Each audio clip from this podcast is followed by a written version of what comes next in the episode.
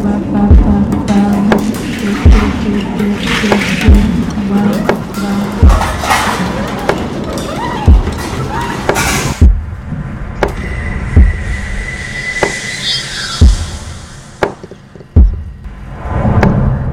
fant min kropp 4. desember bak sementfabrikken. Noen forbigående ropte ukjent, ukjent. Min isete kropp får ikke plass på vaskesteinen, kroppspleierne får nesten ikke beveget den. Kroppen min hevet seg, kroppen min ble blå, hele brystpartiet nakent til navlen.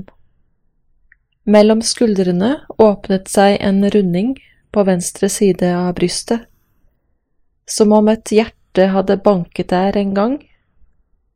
Et hjerte som banket for deg, her er kulestedet.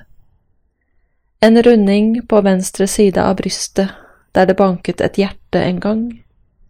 Et steinstempel, i profil en sasanske prinsesse fra dynastiet, i øyet fullt av nåler og knappenåler. Jeg husker deg i pannen min, jeg husker deg i blåmerkeordene, jeg husker deg fra fengslene, jeg husker deg i hengningene, jeg husker deg fra gravene, fra rundingen på venstre side av brystkassa, hjertet mitt, skuldrene mine, nakken min, min hevede kropp, en fingertupp stryker over mine leddsmerter.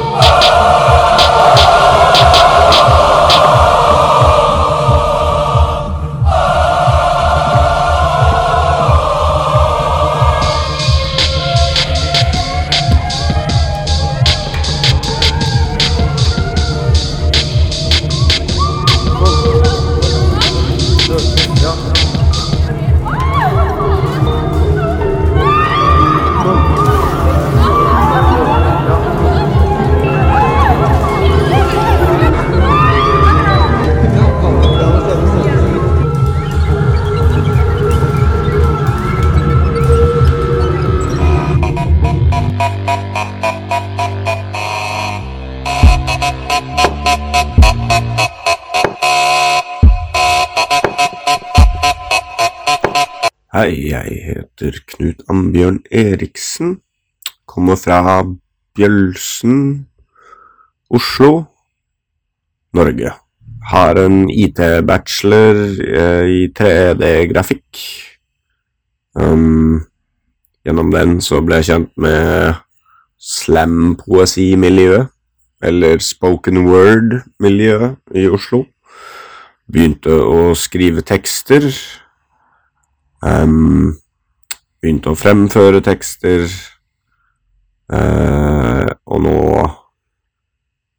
um, jobber jeg på mitt første album innenfor uh, lyrikk og konseptuell rap.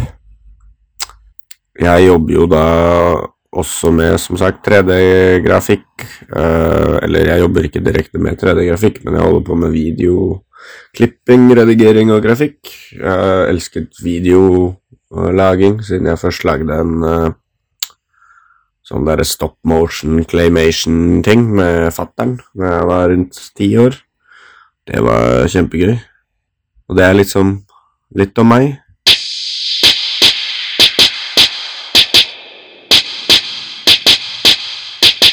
Noe som skiller diktene mine fra andre, er vel kanskje at jeg bruker flere Altså, jeg låner veldig mye um, fra andre diktere og uh, poeter, uh, og setter det sammen til min egen ting. Så man kan vel kanskje si at uh, jeg stjeler veldig mye. Uh, men hvis du stjeler litt her og litt der fra alle, um, så blir det noe unikt. Så når jeg fremfører, så passer jeg bare på hvilke energier jeg bruker og litt sånn forskjellig, men jeg, jeg, vet gjerne ikke hvilken energi et dikt har før jeg leser det opp selv etter jeg har skrevet det og det kan variere kraftig. Um, jeg tror heller ikke på at uh, det fins én måte å gjøre et dikt på. Jeg tror alt snakker til folk forskjellig, og det må man bare akseptere og heller leke med. Um, jo, som sagt tidligere, min inspirasjon kommer fra uh, mange andre kunstnere, uh, men det jeg skriver om, um, hvor jeg blir inspirert fra å skrive om, det starta vel med min tolkning av meg sjæl, uh, og førte til at jeg fikk veldig mye teite tanker på ark. Leste meg for meg sjæl og bare Oi, det var jo idioti, da. Så jeg endte opp med å liksom heller prøve å skildre mitt ståsted i det hele. Fordi jeg har som menneske ikke noe annet å si enn uh, min erfaring, da, eller mitt ståsted. Um, og jeg tror veldig mange føler det sånn. Så det er det at hvor selv um, Hvor mye selvinnsikt kan man ha? Um, ikke sant, før det bare blir tullete. Uh, hvor mye bravado, hvor mye ego skal være i det? Uh, er, er det et oppgjør med ego, eller er det um, skal, Villeder du um, lytteren eller publikum for å um, sette inn en Altså for å få dem til å føle at de er med deg, for å rive ut uh, teppet under dem og si ja, du er like ille som de andre folka. Du har bare rettferdigheten på din side.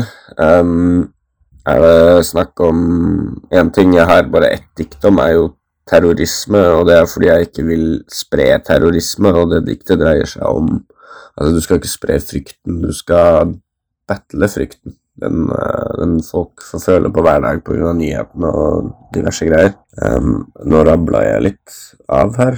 Uh, skal vi se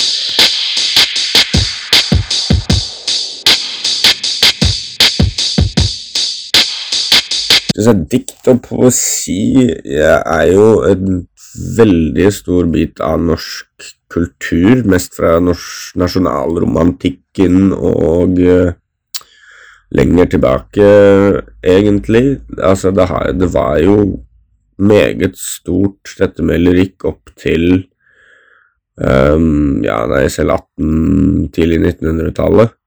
Um, og så tror jeg vi ble såpass arbeiderifisert at den derre fintunge tingen uh, den, den, forsvant.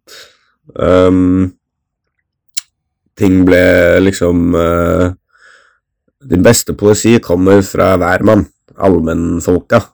Uh, og hvis de ikke får annen opplæring enn hvordan jobbe på fabrikk når de er kids, og ikke hvordan uttale seg riktig eller formulere eller strekke eller bøye ord, så ender du opp med lite tungeferdighet, da.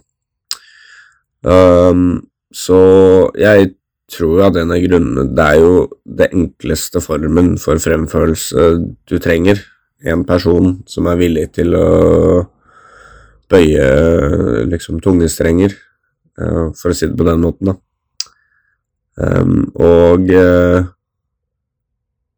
jeg tenker at uh, det viktigste er jo at man gjør det for seg sjæl, i bunn og grunn. Um, og at man blir flink på å opprettholde teksten for seg sjæl. Uh, hvor alle andre uh, kan egentlig komme second. Uh, for det man må huske på, er at med en gang du leser opp teksten din foran andre, så er ikke den teksten egentlig din lenger. Det er den i alle andre sitt hode som noe annet, eller kan hende være det samme, men største sjansen når du starter å skrive, at den ikke er det. Um, jeg vet personlig at det er veldig mange av tekstene mine som ikke kommer over sånn jeg vil hos andre. Uh, og sånn er det jo. Uh, men man kan liksom ikke gjøre noe med det når man står der og øver. Uh, for den eneste måten å øve på å snakke foran andre, er å gå opp og snakke foran andre, og så blir du bare bedre på det for hver gang. Og folk husker bare det gode etter hvert òg, vet du. Det er jo noe av det som er morsomt. Det er ingen som vil at man skal feile, egentlig. Når det kommer til å lese opp et dikt, så har jeg en morsom en her jeg kaller Harrys feil.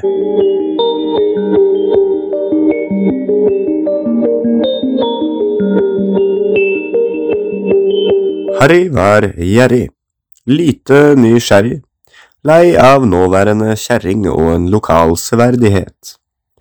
Harry dro aldri på harrytur, for Harry mente han var lur, kjøpte varer over nettet og kun det han lette etter, nemlig kilo på kilo med sur sild, tønnevis av ville lukt i hagen ut mot veien, da han begynte å hamstre blåmuggost, flytta samtlige naboer nærmere mosselukta, og plutselig var Harry happy. Masse plast i ting han var glad i, et fermentert tårn av haifinner fra Island, tre uthula fjøs med aggregat satt opp for å lute fisk, og et røkehus til bogskinke. Harry hadde alt på stell, hjemmelaga tomatmakrell, som er det motsatte av makrell i tomat, lagra på fettfat og forderva i flere dager.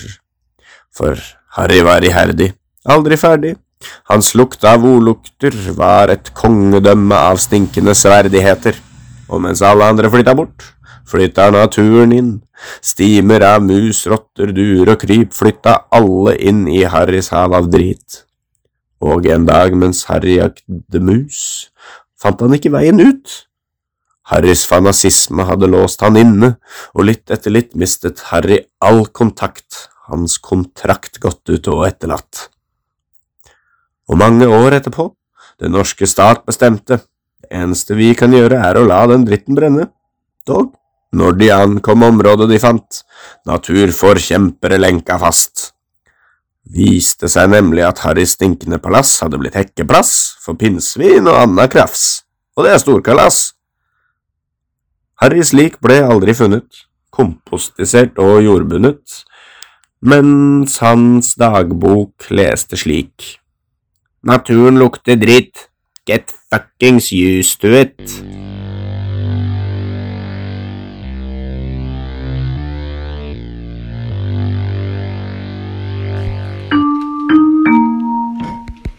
Næste station, helvede.